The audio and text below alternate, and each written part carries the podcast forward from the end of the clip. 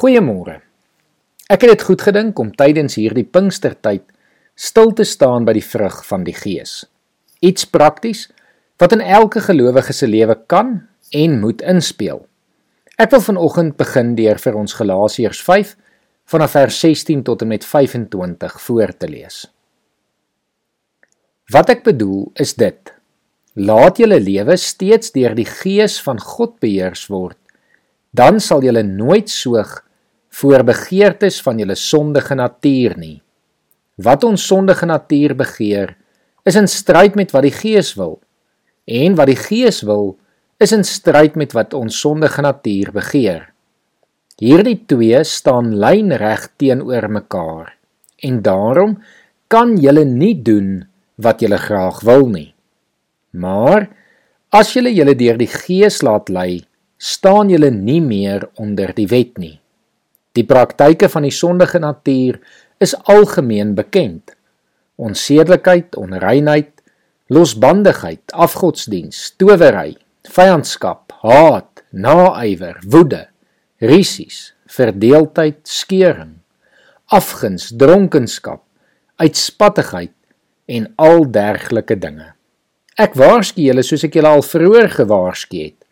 Wie hom aan sulke dinge skuldig maak, sal nie die koninkryk van God as erfenis verkry nie.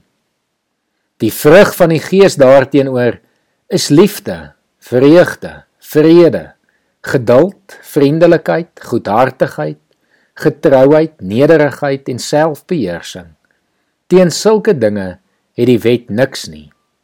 Die wat aan Christus Jesus behoort, het hulle sondige natuur met al sy hartstogte en begeertes gekruisig. Ons lewe deur die Gees. Laat die Gees nou ook ons gedrag bepaal. Vanoggend wil ek stil staan by die eerste eienskap wat hier in Galasiërs 5 vers 22 genoem word. Liefde. Liefde vat uiteindelik al die vrugte saam. Liefde is wat jou moet dryf om alles te doen en te leef soos God wil.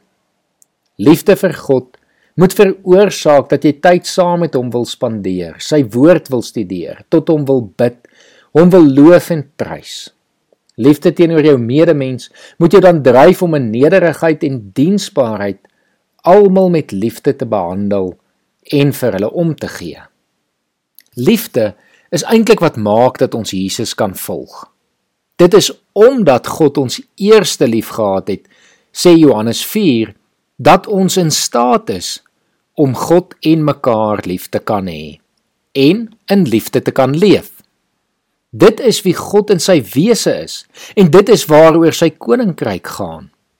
Hy skep hierdie vrug van liefde dan in ons lewe deur sy gees wat in ons woon.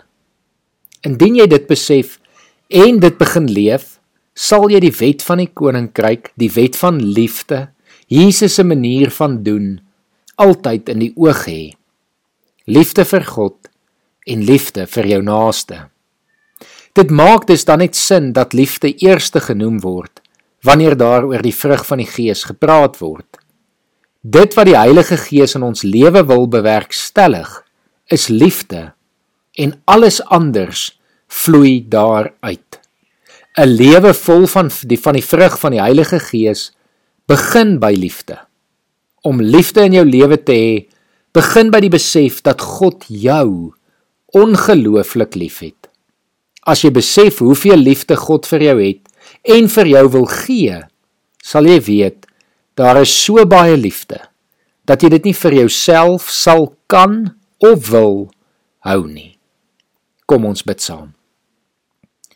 Here baie dankie vir u liefde in my lewe. Here dankie dat ons vanoggend kan sê ons is u geliefde kinders. Here dankie dat ons uit u liefde kan leef omdat u ons eerste lief gehad het. Here help ons vandag dan om u en ons naaste lief te hê deur al ons woorde en al ons dade. Ons bid dit in Jesus Christus se naam alleen. Amen.